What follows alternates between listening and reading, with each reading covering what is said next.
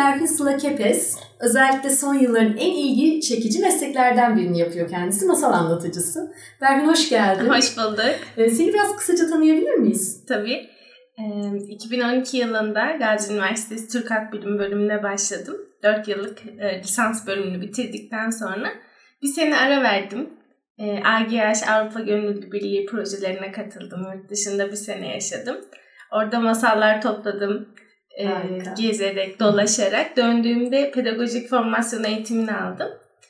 Lisans bitti sonra yüksek lisansa başladım. Bu dönem içinde de Ankara Somut Olmayan Kültürel Miras Müzesi'nde e, hem rehber olarak hem hikaye anlatıcısı olarak masal odasında anlatımlar yaptım.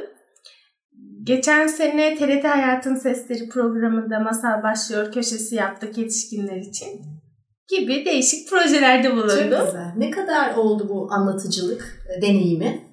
2012'de başladım. Güzel. 8 sene olmuş. Epey de olmuş senin için. Evet. İyi bir deneyim. Ben, ben sana baktığımda böyle peri masalında bir masalcı kız görüyorum.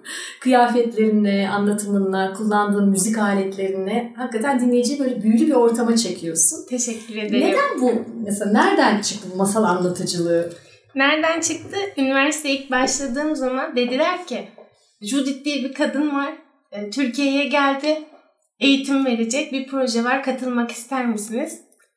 Dedim nasıl bir eğitim? Dediler ki masal anlatıcılığı. E nasılmış bir katılalım dedik. 15 kişi eğitim aldık. Daha sonra hiç bırakmadım. Hoşuma gitti içine girdikçe. Zaten küçüklüğümden e, gelen bir hevesti aslında masal hikaye kitapları. İlk okuma yazmayı Deniz Kızı'nı okumak için o şekilde Evet. sevmiştim. Ayrı bir hayranlığım vardı zaten. Aslında bir eğilim vardı. Evet, Hı. evet. O şekilde yolculuğum başlamış oldu. Güzel. Zaten geleneğimizde de aslında masal ve Evet. hikaye epey yer tutuyor değil mi baktığında? Evet, baktığımızda zaten sözlü kültür ürünlerimizden olan masallar e, bizi var eden şeylerdi. Yani geleneğimizde zaten vardı ama şimdiki gibi meslek olarak yapılmıyordu. Daha çok soba başında e, annelerin, masal analarının özellikle çocukları oyalamak için, anlatmak istedikleri dertlerini masal yoluyla ifade etmeleri için ım, anlatılan bir gelenekti aslında.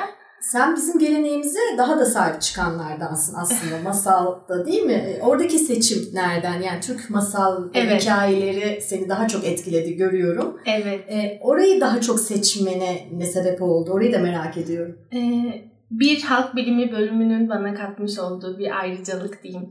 Ee, çünkü işin içine girdiğimiz zaman daha e, popülerleşmedikleri için bana biraz daha gizemli geldiler Türk masalları. Ve içinde o kadar önemli, kıymetli değerlerimiz var. Yani toplumu anlatan, yaşayış biçimlerini, geleneklerini, göreneklerini, örf ve adetlerini, e, inanışlarını anlatan masallara baktığımız zaman biz eksik kalmışız anlatmak konusunda belki ya da duyurmak konusunda. İşte Pamuk Prenses'i biliyoruz. Nardaniye Hanım'ı hiç duymamışız. Onlarla tanıştım. Sivas'a gittiğimizde Dürdane Hanım olarak karşılaştık. Günümüze geldiğimizde Neşet Ertaş'ın Nardanesi Danesi de diye kulağımıza fısıldamış ama bilmiyoruz bunları.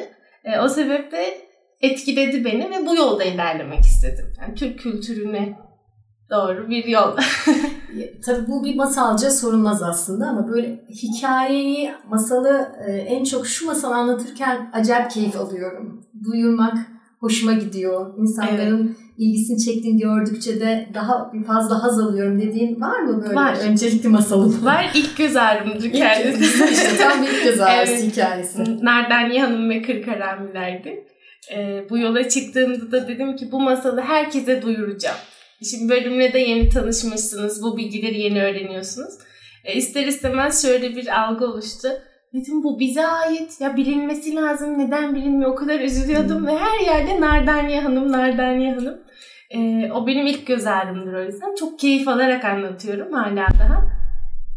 Hem yetişkinlere hem de Evet. çocuklara değil evet mi? hem yetişkin gruplarını hem çocuk gruplarını anlatıyorum. Mesela anlatırken insanların ne ilgisini çekiyor Berfin dinlerken bu masalları? Neler gözlemliyorsun? Şimdi yüksek lisans tez konum da bunun üzerine aslında. Halk anlatılarının yeni anlatıcıları. Hmm. Geleneksel anlatıcılarla modern anlatıcıları kıyaslamaya çalışıyorum. Ee, öncelikle bağlamına bakıyoruz böyle olunca. Şimdi gelenekte nasıldı? Hmm, gösterişsiz bir anlatım vardı aslında baktığımızda. Şimdi insanlar biraz daha sanırım performans istiyor sizden. Tek kişilik bir performans, sahnenin güzelliğini arıyorlar. Yani bir tiyatro izlemeye gider gibi aslında hikaye anlatıcısının e, ona aktaracağı ve şovlarını merak ediyorlar. Benim gözlemlediğim bu. Ama çocuk grubunda e, daha farklı oluyor. Çocuk grubu biraz daha ritme bakıyor, şarkıya bakıyor, eğlenceye bakıyor ama yetişkin grubunda biraz bunları gözlemledim. Doğru. Son zamanlarda ciddi bir şekilde masal etkinlikleri evet. arttı. Yani bakıyorsun hani sadece çocuklar zannederdik. Evet. E, dinleyici. Ama biraz önce söylediğim evet. gibi yetişkinler de epey artık masallara Hı-hı. ilgisi arttı. Bu tip etkinliklere katılıyor. Evet e, dikkat çektik. Masallara tekrar bir dönüş söz konusu sanki. Evet. Ne diyorsun? Şuradan başlayalım. Masallara önce çölde, ateş başında insanlar uyumamak için birbirlerini anlatmışlar ve bu hikayeler gerçeğe çok yakın hikayeler. Yani çıkış noktası zaten çocuklar için olmamış. Hmm. E, şu an bildiğimiz masalların hiçbiri orijinal haliyle günümüze gelmemiş. Ta ki e, Grimm kardeşlerin çalışmalarıyla bu masallardan çocuklar etkileniyor diyerek masalları değiştirmişler. Kemik yapılarına dokunmadan e, eklemeler, çıkartmalar yapmışlar. Buradan baktığımız zaman zaten çocuğa göre değil. Kaldı ki Anadolu Türk masalları da aynı şekilde. Şu an 200-250'ye yakın minik 3-4 yaşında öğrencilerim var. Yetişkine göre olduğu için masallar ben her hafta onun üzerinde çalışmak zorunda kalıyorum. Çocuk nereden etkilenir, evet. neresinden etkilenir, burayı mı çıkartalım, şurayı mı çıkartalım? Bence Türkiye'nin Grimm kardeşleri eksik. Belki o yüzden Nardaniye'nin, e, Dürdane'nin, Küllü Fatma'nın, Nohutoğlan'ın e, duyulmaması da belki bu yüzden. Bir şekilde üzerine çalışılmamış şartlardan dolayı. E, hal böyle olunca da biraz dikkat etmek lazım. Doğru. Dikkat şekil etmek lazım. Çünkü. Evet şekil veriyorsunuz. Hı-hı. Çocuk grubunda o yüzden daha e, icra zorlayıcılar diyorum onlara. Hı-hı. Biraz daha zorluyorlar sizi. Gelelim toplumda şu an masala tekrar dönüş dedik. Yetişkinin de aslında ilgisini çekiyormuş dedik. Bu bir dönem unutulmuş yani Grimm kardeşlerin yolculuğuyla birlikte çocuklar için denmiş masallara. Ama daha sonra ben buna teknolojik bunalım diyorum e, teknolojinin getirmiş olduğu bir yalnızlıkla şu an insanlar tekrar bir araya gelmeye ihtiyaç duyuyorlar. Çünkü biz birbirimizi anlatmayı unutmuşuz. Birbirimizi dinlemeyi unutmuşuz. Bence o yalnızlaşmanın sonucunda şu anda tekrar aydınlığa çıktı masallar tekrar dışarıda e, yetişkinlerle buluşuyorlar. Özellikle kafelerde, kütüphanelerde değil mi? Şu anda evet, çok evet. yaygın. Yaygın. Eğitimin içinde bir parça da oldu sürekli. Evet. Öğrenme içinde de masal yeri oldu. Bu da güzel bir şey. Evet bu da güzel bir şey ama... Çünkü geleneğin bugüne dönüşmesi. Evet. Ee, işte gelenekten illaki beslenerek anlatıyoruz. Bir de dediğim gibi tamamen e, şova dönüşmüş, e, tek kişilik performansa dönüşmüş bu noktada da eğitime ihtiyaç oluyor. Yani sahne performansı, beden dili, e, hitap sanatı bunlara gerek duyuyoruz ama amacımıza ve kitlemize de bağlı olduğunu düşünüyorum. Doğru. Yani masal şöyle şöyle anlatılmalı diye bir şey olduğunu düşünmüyorum. E, sizin amacınız ve kitlenize bağlı olarak değişiklik gösteriyor. Tam da aslında bunu soracaktım. Diyelim ki bunu bir meslek olarak yapmak isteyen mutlaka e, dinleyiciler var şu an merak da konusu. Hani nereden başlayayım? Kendime hangi yetkinlikleri kazandırayım? Okulundan pratiğine nasıl bir yol izleyeyim desek o kariyer yolculuğuyla ilgili evet. ne tavsiyeler bulunur? Ne tavsiye ederim? Hmm, önce bol bol dinlemeleri lazım. Bol bol önce masal dinlemeleri lazım. Güzel anlatabilsinler. Bununla ilgili şöyle bir örnek vereyim. e, Kervansaray Ateşlerinin Başında diye bir kitap var dinleyenlerimiz de e, bulabilirler evet, internetten. Evet okuma fırsatı olsun onlara. Orada Elsa diye bir kadından bahsediyor. Aslında Elsa'nın yazdığı masallar var içinde. Bu Elsa Almanya'dan Türkiye'ye gelmiş. Osmanlı zamanında babasının işi dolayısıyla.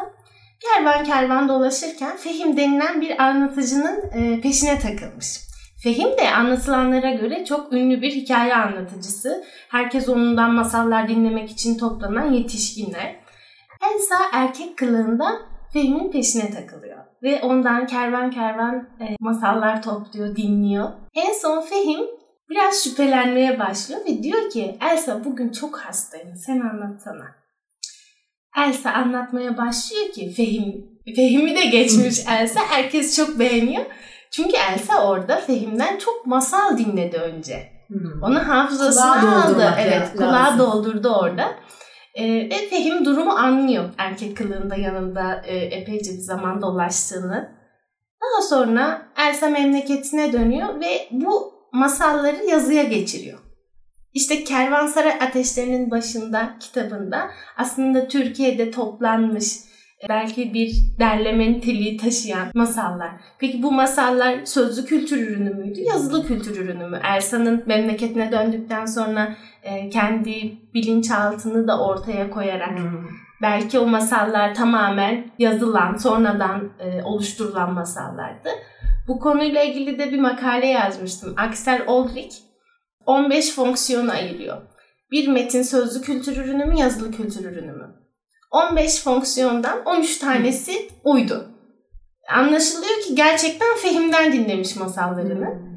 İki Demek tanesi çok güçlü dinlemek. Evet, yani. çok güçlü. Hmm. İki tanesi değişiklik gösteriyor. Neden? Çünkü anlatıcının belki dil çevirisinden kaynaklı, belki anlatıcının kendinden eklediği şeyler vardı gibi.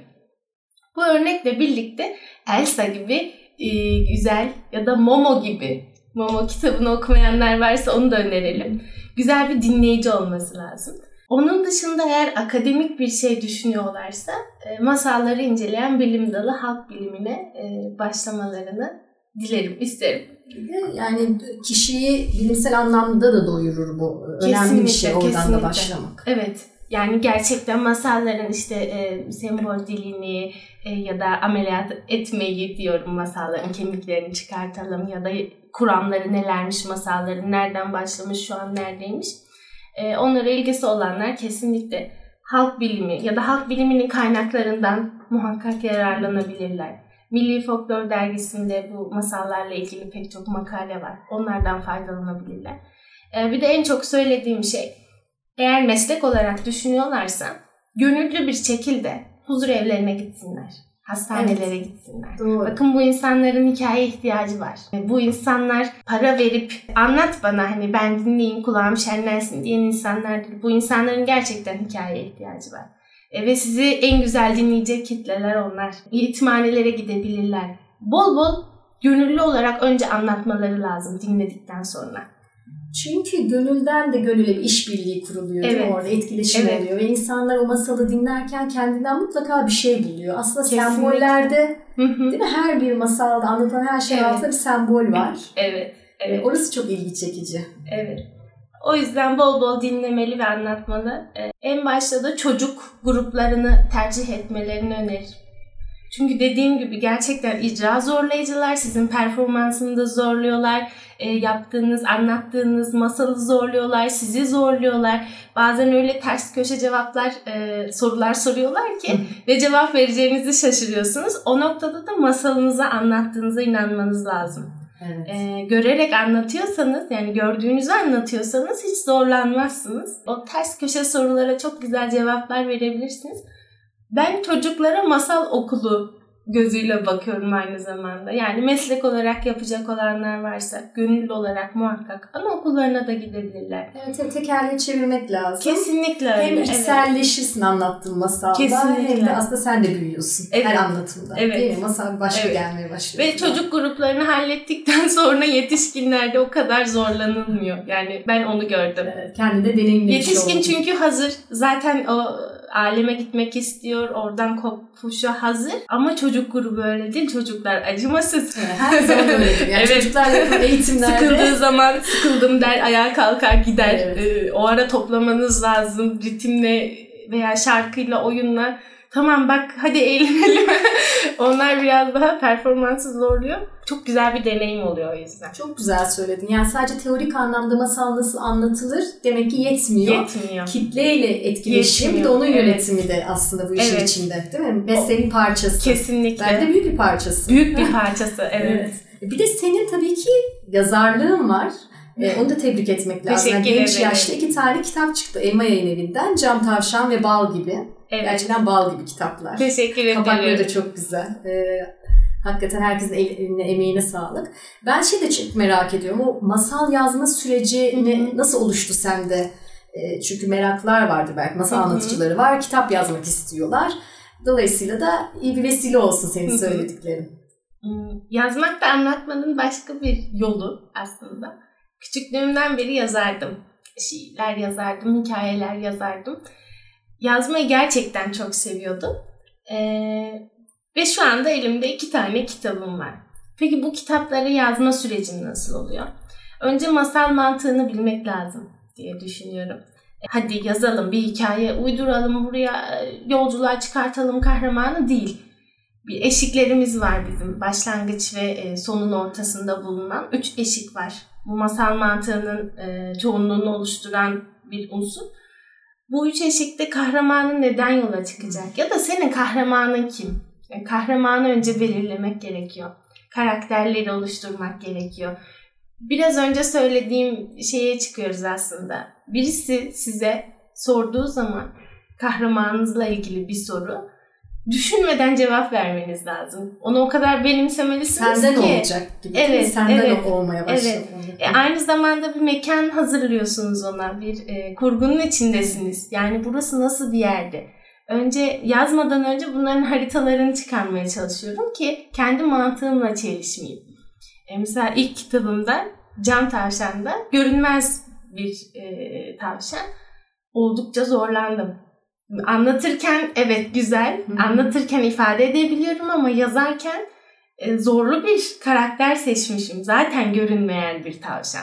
Ama Yani herkesin gözünde içinde. ayrı görünecek o. Evet, O herkesin daha gözünde güzel. ayrı görünecek. yan kişi de düşünsene. Evet ve yazma sürecinde e, bir yaprak mesela hiç unutmuyorum tavşanın koluna bağlamıştım masanın içerisinde. E şimdi tavşan zıplayarak gidiyor ama tavşan görünmüyor. Dur Berfin dedim burada bir sorun var. Yaprak havada mı gidiyor o zaman? O zaman da hemen ayak bileğine bağladım filan. Böyle tatlı sorularla sizi zorlayan bir yolculuk. Demek ki ama böyle güzel yolculuk. aslında. Güzel Evet. oldu. Peki ilerleyen zamanlarda sence bu meslek nereye gider Berfin? İlerleyen Nasıl görünüyor? zamanlarda. Göze. Şimdi bir furya olduğunu düşünüyorum açık konuşmak gerekirse. Evet, bir, bir iştah kabarttı. Evet, iştah kabardı. Ve şu anda bir elekten geçme sürecinde aslında. Bence. Evet. Elekten Doğru. geçecek. Ee, tüm anlatıcılar sadece gönül vermiş. Gerçekten hayatı masal olmuş insanlar var ya anlatıcılar gerçekten onları da takdir ediyorum. Herkes anlatsın ama meslek olarak sor- Evet. soruyorsunuz değil mi? Aynen. Zaten de bunu konuşuyoruz. Tamam. Çünkü bu işi meslek olarak icra etmek isteyenlere Evet. e, yönelik özellikle bak şu işe de bunu konuştuğumuz için dediğin şey çok kıymetli. Hı hı. Hep diyoruz ya gerçekten kalbine dokunan e, işi yap. Evet, evet. Sevdiğin işi yap. Tam da orayı söylüyorsun Yani aslında. ticari kaygı gütmeyen anlatıcılar, meslek olarak yapanlar elekten e, yani geçecek bunlar diye düşünüyorum. Çünkü ne olursa olsun geleneğimizde de bizim masal anlatıcılığı, geleneksel anlatıcılara baktığımızda anlattıktan sonra onlara bir alkış yoktu. Evet. E, ama anlatıyorlardı. E şimdi Anlatmak için. evet Yani, Anlatmak mi? için, Anlatmak dinlemek için Dinlemek toplanıyorlardı. için. Ee, Kahvehanelerde, köy odalarında toplanıyorlardı ama herhangi bir kaygı yoktu. Yani meslek olarak yapılmıyordu ama işin boyutu şu anda farklı e, farklılaştığı için artık insanlar bunu meslek haline getirdiler ve bu işten değil mi karşılık Evet. almak istiyorlar doğal olarak. Çünkü Doğru. emek var. Kazanç da getiriyor. Evet. O yüzden de çok öngöremiyorum açıkçası. İlerleyen zamanda Yani ne masal olur. anlat masal anlatıcılarına ne olur bilemeyiz ama masal anlatıcılığı e, Evet. artarak devam edecek e, anlatıcılık fikri Evet, anlatıcılık zaten evet, vardı. vardı. Bu da daha da yaygınlaşacak gibi gözüküyor. Evet, Çünkü e, klasik aldığımız eğitimlerin yanı sıra keyif atalarımızdan gelen bir şey olduğu Evet. için bir sürü de yetkinliği karşı tarafta geliştiriyor değil mi? Yani Kesinlikle, dinlerken. Mesela kesinlikle. dinleyiciye baktığında hangi yetkinlikleri sence kazanıyor bir masalı dinlediğinde? Empati.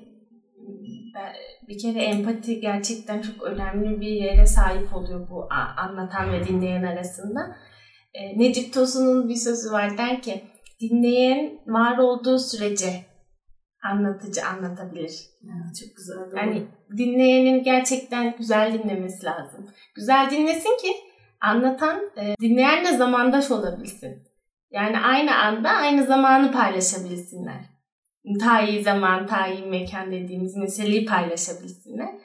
E, böyle olunca yani bu ortam yakalandığı zaman inanın e, dinledikleri, gördükleri şeylerde, kahramanlarda kendilerini bularak, sorunları aşarak ve günlük hayatın e, gerçekliğinden kurtularak, öte dünyada başka bir gerçeklikle karşılaşarak güzel empatiler yapılıyor. O yüzden seviyorum bu oyunu. Çok güzel ve oradan referans alarak da bugüne aslında bir e, çıkarım yapılıyor. Evet. Değil mi masalda? O Kesinlikle. günden referans ve aynı mecrada demin söylediğin o mekanda bir buluşma var. Evet orada bir Soyut buluşma bir var. mekan. Soyut.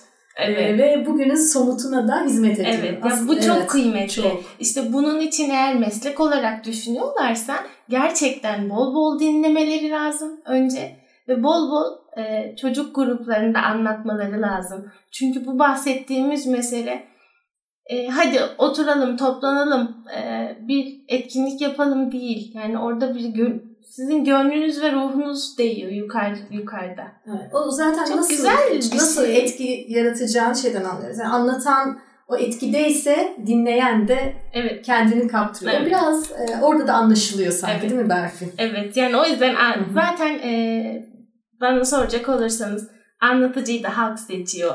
Yani mekanı seçtiği gibi. Doğru. O yüzden e, siz yeter ki inanarak, görerek anlatın. Zaten anlattığınızı gördükten sonra onlar da sevecektir. Kesinlikle ne güzel söyledin. Epeydir uzun zamandır bu işi yapıyorsun. Hem okulundan hem pratiğinden. Ben şeyi çok merak ediyorum böyle bak şu işe dediğin, unutamadığın bir anın var mı bizimle paylaşmak istediğin? Var. Üç sene önce Afrika, Uganda'ya gitmiştik. Gidiş maceram masallarla e, oldu. Nasıl başladı onu anlatayım. Önce ben gitmiyordum ve küçük küçük kağıtlara e, masallar yazıyorum. Bir hayalle başladı. 2000 tane çocuğa ulaşacak. 2000 tane Harika. küçük küçük hazırlayacağım onları. Yani onları okusunlar. Ee, sonra dediler ki Berfin bunu şey yapalım. Hani yayın evinden çıkmaz belki ama sponsor bulalım bunu bastıralım 2000 tane. E tamam öyle yapalım. O zaman benim masalım biraz daha şekillendi. Yine bir karakter yaratacağım. Ne yaratacağım? Bir tane kurbağa seçtim. Turuga adı. Türkiye-Uganda birleşiminden. Çok iyi. Ve bu Güzel kurbağa kimsesiz bir kurbağaydı. Çünkü istedim ki oradaki çocuklar kendiyle e, Eşleştirsin. eşleştirsin. Yalnız hissetmesin. Velhasıl biz gittik Turga kitaplarımızla gittik. Evet erzaklar götürüldü, kıyafetler götürüldü, e, oyuncaklar vesaire bir sürü şey götürüldü ama bunların hepsi eskiyecekti. Hayal kalacaktı orada ve biz bunu kitaplarla yaptık gittik. İngilizce olarak anlattım ve çok endişeliydim. Yani Türkçe anlatmadan önce de zaten endişeleniyoruz ama yani dil sorun burada. Acaba nasıl olur? Anlatabilir miyim? Beni anlayacaklar mı? İnanın yani hiçbir şey konuşmasaydım.